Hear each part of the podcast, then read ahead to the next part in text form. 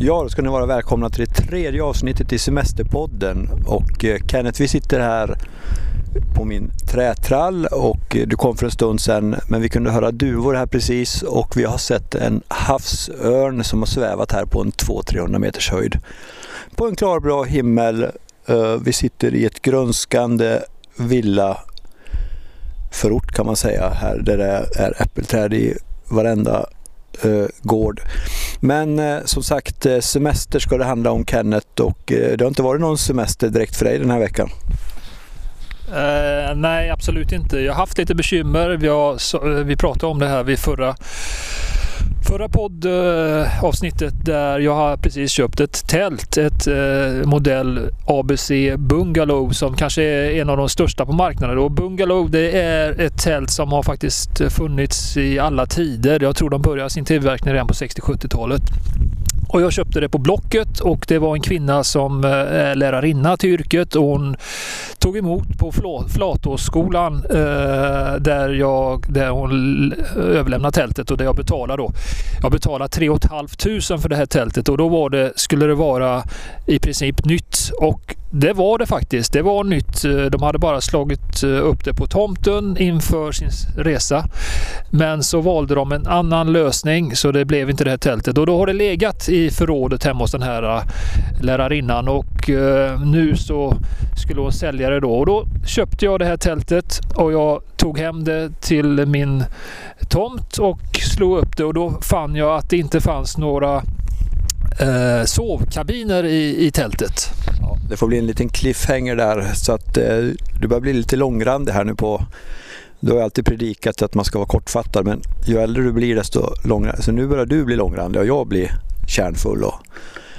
Men i alla fall, du slog upp det där tältet och vi stannar där för jag har ett väldigt glädjande besked att lämna. För här i veckan så hörde Rutger av sig. Vi pratade ju förra veckan om hans slott nere på Österlen och han välkomnar nu dig att kampa eh, hemma vid hans eh, herresäte där, eh, Chateau på Österlen i sommar. Han skickade ett DM om det. Så glädjande.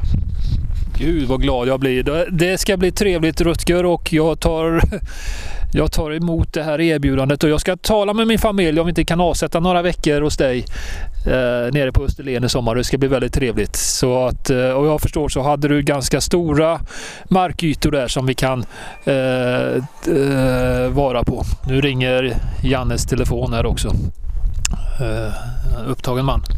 Ja, det normala det är att man kanske kommer förbi ett par dagar. Alltså när du nu meddelar att det kan röra sig om flera veckor så måste ju det här vara någonting som eh, Rutger och Rutgers familj ser som eh, någonting ja, kanske bättre egentligen än vad de hade vågat hoppas. För det här kan ju bli riktigt trevligt. Ni kommer lära känna varandra riktigt ordentligt där och kanske kan låna en del av hans kylskåp också. För du har väl haft lite problem med din kompressor på ditt campingkylskåp? Ja, det har jag faktiskt haft, men jag har lagat nu så att det ska inte vara något fel på det. Så att, eh, det behöver vi inte dela, men möjligen kanske man måste låna toaletten och lite sådana Jo, jo, ja, men det har jag inte i mitt tält. Jag har ingen toalett så att, eh, det måste jag ju låna då. Så det kan vara så att vi kommer in på kvällarna och borstar, borstar tänderna och gör våra eh, kvälls eh, toalett. Så. Ja. ja, ja. Men det gör ju också det att man delar en vardag tillsammans är ju då också som man Även på semestern, delar man vardag så delar man också livet så att säga. Hur ska man lära känna varandra om man inte delar vardagen Exakt, och det är kanske campingen och semesterns tjusning det här. Att man delar vardagen och man, det är klassöverskridande och generationsöverskridande. Och, eh, det är då man faktiskt lär känna eh, sina medmänniskor. Sådär. Så det, ja, det, är ett optimalt sätt att eh, tillbringa sin semester på att eh, vara på dessa campingar. Och jag skulle vilja säga då att det finns ju olika eh, campingar med lite olika eh, ingångar och eh, vad ska jag säga, de olika eh, vad säger man, det finns olika riktning på dem. Jag kan inte komma på. Ja, det finns naturcamping och det ja. finns eh, nudistcampingar och så finns det också familjecampingar och det finns sportcampingar och det finns eh, vildmarkscampingar, havscamping, skogscamping. Sen har du ju de här frikamparna också. De har ju blivit fler också. Det är väldigt stort med fricamping och det är 90-talisterna som kommer och som inte ska betala för sig. Så att det, till, det tilltalar dem att kunna slå upp sitt tält var som helst, när som helst, hur som helst. Och eh, det är inte alltid det har eh, liksom tagits emot väl bland markägare och, och sådär. Fricamping är väl någonting vi på Semesterpodden eh, inte rekommenderar. För det blir skräpigt i naturen och folk slarvar ju också med det toalettpappret att de inte gräver ner det ordentligt under mossan. Precis. Sen så är det ju så att djurlivet störs naturligtvis av frikamparna sådär när de är där och inkräktar, inkräktar på deras område. Sen är det ju så också att eh, ska man fiska när man är ute och frikampar, ja då ska man ha fiskekort. Och det finns ju oftast att köpa till exempel på den lokala bensinstationen eller någonting där man har sån utskänkning av fisketillstånd. Men det är inte bara fiska som många tror. Nej, Absolut, och det är också någonting som 90-talisterna inte betalar för. Har man sett att eh, de betalar vare sig för, för fiskekort eller, eller sen vet inte jag för den delen om, om de tar hand om sina toalettpapper och, och sådär. Jag, jag, tror att de kanske, för många gånger så har de ett miljötänk 90-talisterna och är klimatsmarta på många sätt. Så att eh, det tror jag inte är några problem. Men just det här att man inte eh, delar med sig och, och betalar för sig. För det är alltid någon som ska betala notan om man säger. Ja, och det var, fick ju du betala. Nu ska vi ju komma tillbaks då för det blev en cliffhanger här. Men du betalade ju notan för ditt, hotell, eh, för ditt bungalowtält. Men sen när du kom hem så upptäckte du att du hade betalt eh, men du hade inte fått några rum i bungalowen. Så du har betalt en bungalow utan rum. Exakt, så att de här sovkabinerna i som de här innertälten, de fanns inte med. Och eh, lärarinnan som sålde tältet till mig, hon bedyrade att det skulle vara ett komplett tält. Och eh, nu var det inte så, så jag smsade snabbt som ögat till henne och sa att jag kommer tillbaka till Flatåskolan klockan 8.00 imorgon bitti och överlämnar tältet och jag vill ha pengarna tillbaka med utropstecken. Eh, och då svarade hon på det att det gick bra. Men du, då hamnar du i det läge som jag vet många semesterplanerare hamnar i. Att man hamnar på ruta ett igen. Eh, för nu ja. har du inget tält, Nej. men ändå så har ni kommit en bra bit i planeringen. Ni har ju tagit fram Europakartan skulle jag kunna tro. Ja, vi har, vi har tagit fram sträckningen och rutten så den har vi klart för oss. Vi har betalt våra färjebiljetter också till Kiel som vi ska åka då. Vi är lite bekväma av oss och vi tar båten direkt från Göteborgs hamn till Kiel och därifrån då ta oss vidare ner mot Ren och Moseldalen. Och det är där vi ska vara i år med på camping. Så att eh, visst, det är mycket som återstår i planeringen och tältet är inte införskaffat. Så det, det är ett visst orosmoln på himlen, det ska sägas. Det ska man inte misströsta utan det här är en naturlig eh, del i en semesterplaneringsprocess att man, eh, man går ut, man stakar ut en riktning, man försöker tänka på allt men sen kanske man får radera och börja om från början. Nu behöver inte ni backa hela vägen ut. Ni har rutten klar.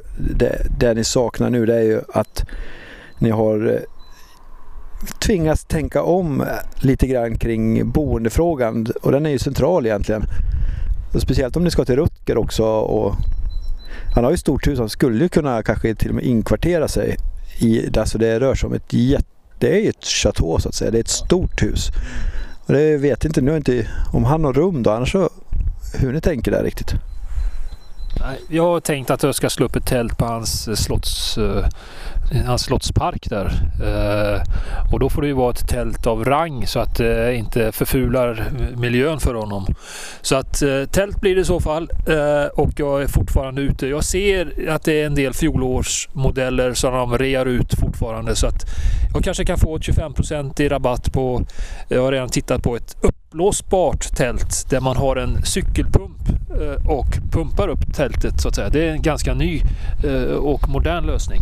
Ja, men då kan man köpa, Clas Ohlson kan man köpa en cykel, elektrisk cykelpump eh, så, om man vill det. Eh, om man vill inte pumpa själv. Om man... Det är inte alltid man har eh, ström.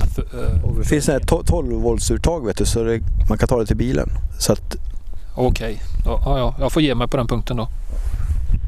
Men semester, det, det fascinerande det är ju att man planerar ju semester hela året. Man kan ju ha semester i oktober och november om man vill också. Så semester är ju egentligen bara när man har semester. Det är ju, många väljer att ta den på sommaren. Men semester är ju universellt. Det är ju någonting man kan göra när som helst. Men nu är det i alla fall sommar och nu är det så att den största, stora delen av populationen väljer att ta sin semester på sommaren. Och den närmar sig ju nu med stormsteg. Hur ska folk tänka när de inte har tänkt eh, på semestern än? Uh, ja, jag vet att många i panik kollar på eh, sådana här sista minuten-resor till värmen som många vill åka. Men då är det nu för tiden eh, fullbokat och oftast är det så att eh, det blir, det blir dyrare om man inte gör den här planeringen redan vid årets början för sommaren. Eh, det blir väldigt dyrt. Det blir kanske ett förhastat beslut och man kanske inte ens blir nöjd med sin semesterresa. Jag vet många gånger man har kommit ner till en sån här hotellkomplex som har den här poolen som är ju ser väldigt lockande ut i de här katalogerna. Men redan efter andra eller första andra dagen så, så börjar folk småtröttna lite grann på det här eh, poollivet och då blir det ju gärna att man tecknar upp sig på sådana här utflykter men de är inte gratis. Nej, eh, det är där kanske eh, många gånger eh, kassakon för de här samhällena som lever på turism nere i Europa, södra Europa. Eh, de tar ut, de saltar rejält de här noterna och eh, så. Så att det blir väldigt dyrt och jag tycker nog att man kan upptäcka världen och eh, lokala området på, på egen hand. Och det kan väl vara Eh, så mycket bättre många gånger. Ja, visst är det så. Semester förknippar ju många med sol och värme men man får ju också vara förberedd på att det, det kan vara hagel och regn också. Hur har du tänkt kring de frågorna? För att ofta så är ju människan konstruerad så att man tänker inte på det som kan gå fel, man tänker på det som kan gå rätt när man planerar. Men behöver man inte planera också för att det kan gå fel? Det är det som är det är det som är så lumskt just med sommarsemester. Då tänker man ju bara sol, bad och värme. Men det kan ju gå fel. Vi såg här i, på, i Centraleuropa här för något år sedan när vi drogs med, med översvämningar, kyla och regn och det var hagel också. Så att det kan mycket väl bli en sådan semester. Hur rustar man sig för en sådan, ett sådant eh, överfallsväder? Ja, vi har fått nya tider nu också så folk gillar inte att spela brädspel eller Fia med knuff och Yatzy och Uno och sådana här saker och sitta inne i tält och spela som man gjorde kanske för 20 år sedan. Och eh, sen är det, sen tänker man, ja då går vi på ett museum. Men ja, det, det är klart, muse, museum är ju en bra lösning. Men det gäller att ha den inställningen att man tycker att museet... Du ska säga, nu får Kenneth... När jag får... Nu ska vi se om man kan stänga av här. Och meddela att, att du tar kontakt efter programmet här nu. Eh, det ringer en hel del och det beror ju på att vi dels har ett nöjesprogram på Studio Hisingen Youtube och sen har vi Semesterpodden och vi har eh, flera olika verksamheter som går parallellt och det blir en hel telefonsamtal. Och hur löser du en sån sak på semester till exempel? För det... Ja, nej, men då har jag sagt att jag är tillgänglig även på semestern. Eh, och då brukar jag kanske ha en öppen telefon ett par timmar på kväll, kvällen när man är lite ledig och man inte stör familjen i övrigt. För många gånger är aktiviteterna redan på, på dagtid och då kanske jag kan ta de samtalen på kvällen. Men det är ju så. Det är inte bara det att vi har Youtube och vi har en, eh, den här satsningen och den här populära podden som rullar nu, Semesterpodden. Eh, vi har också en massa andra plattformar på sociala medier som ska uppdateras så att det blir en hel del arbete även på semestern.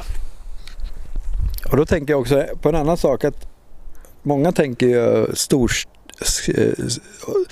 åka till en storstad i Europa på sommaren till exempel.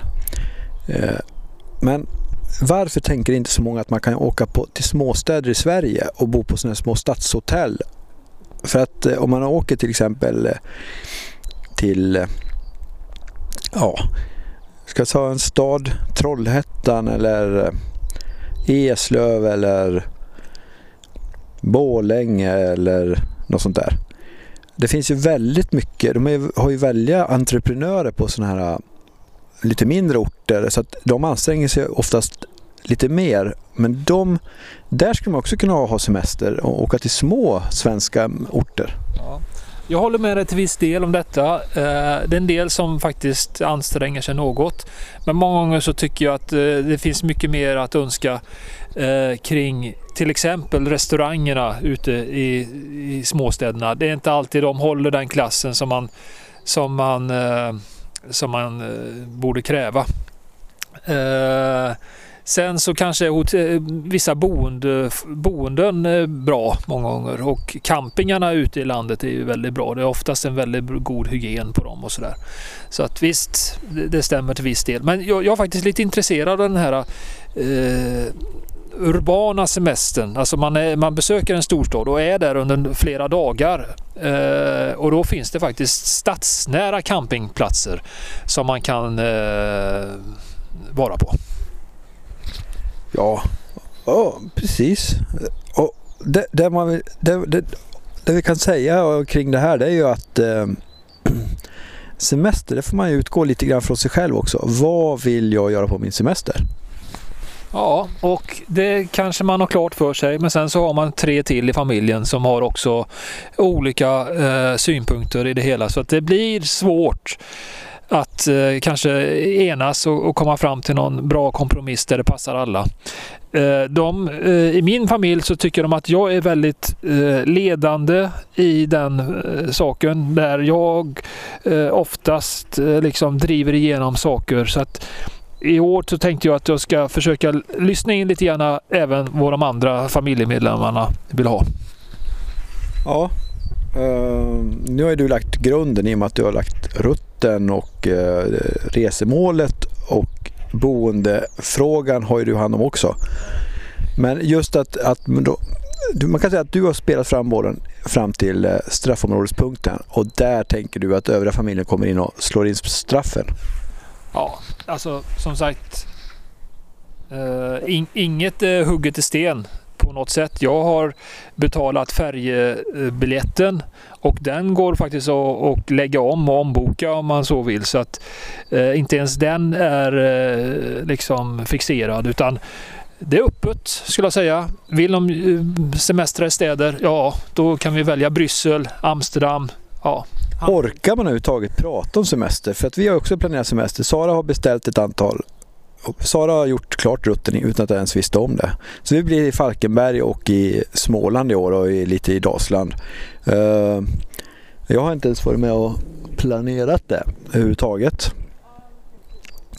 Men jag, å andra sidan så ha, sitter ni ner tillsammans och sånt där? För det, skulle, det pallar inte jag helt enkelt. Det. Nej, men just det där Janne, det gör du felet. Uh, tyvärr så uh, kanske du, du struntar i det viktigaste arbetet. Just det här att få med dig övriga familjen i, i resan och i den förplanering som krävs. Eh, jag brukar göra som så att varje söndag så har vi ett litet rådslag hemma där vi pratar om hur ska vi göra på fram, eh, semestern eh, till exempel. Då börjar vi närma oss 20 minuter och eh, vi ska runda av det här. Och det här var lite grann om eh, sammanfattningsvis vad som eh, det här planeringsstadiet, hur skört det kan vara. Det har ju du visat inte minst nu.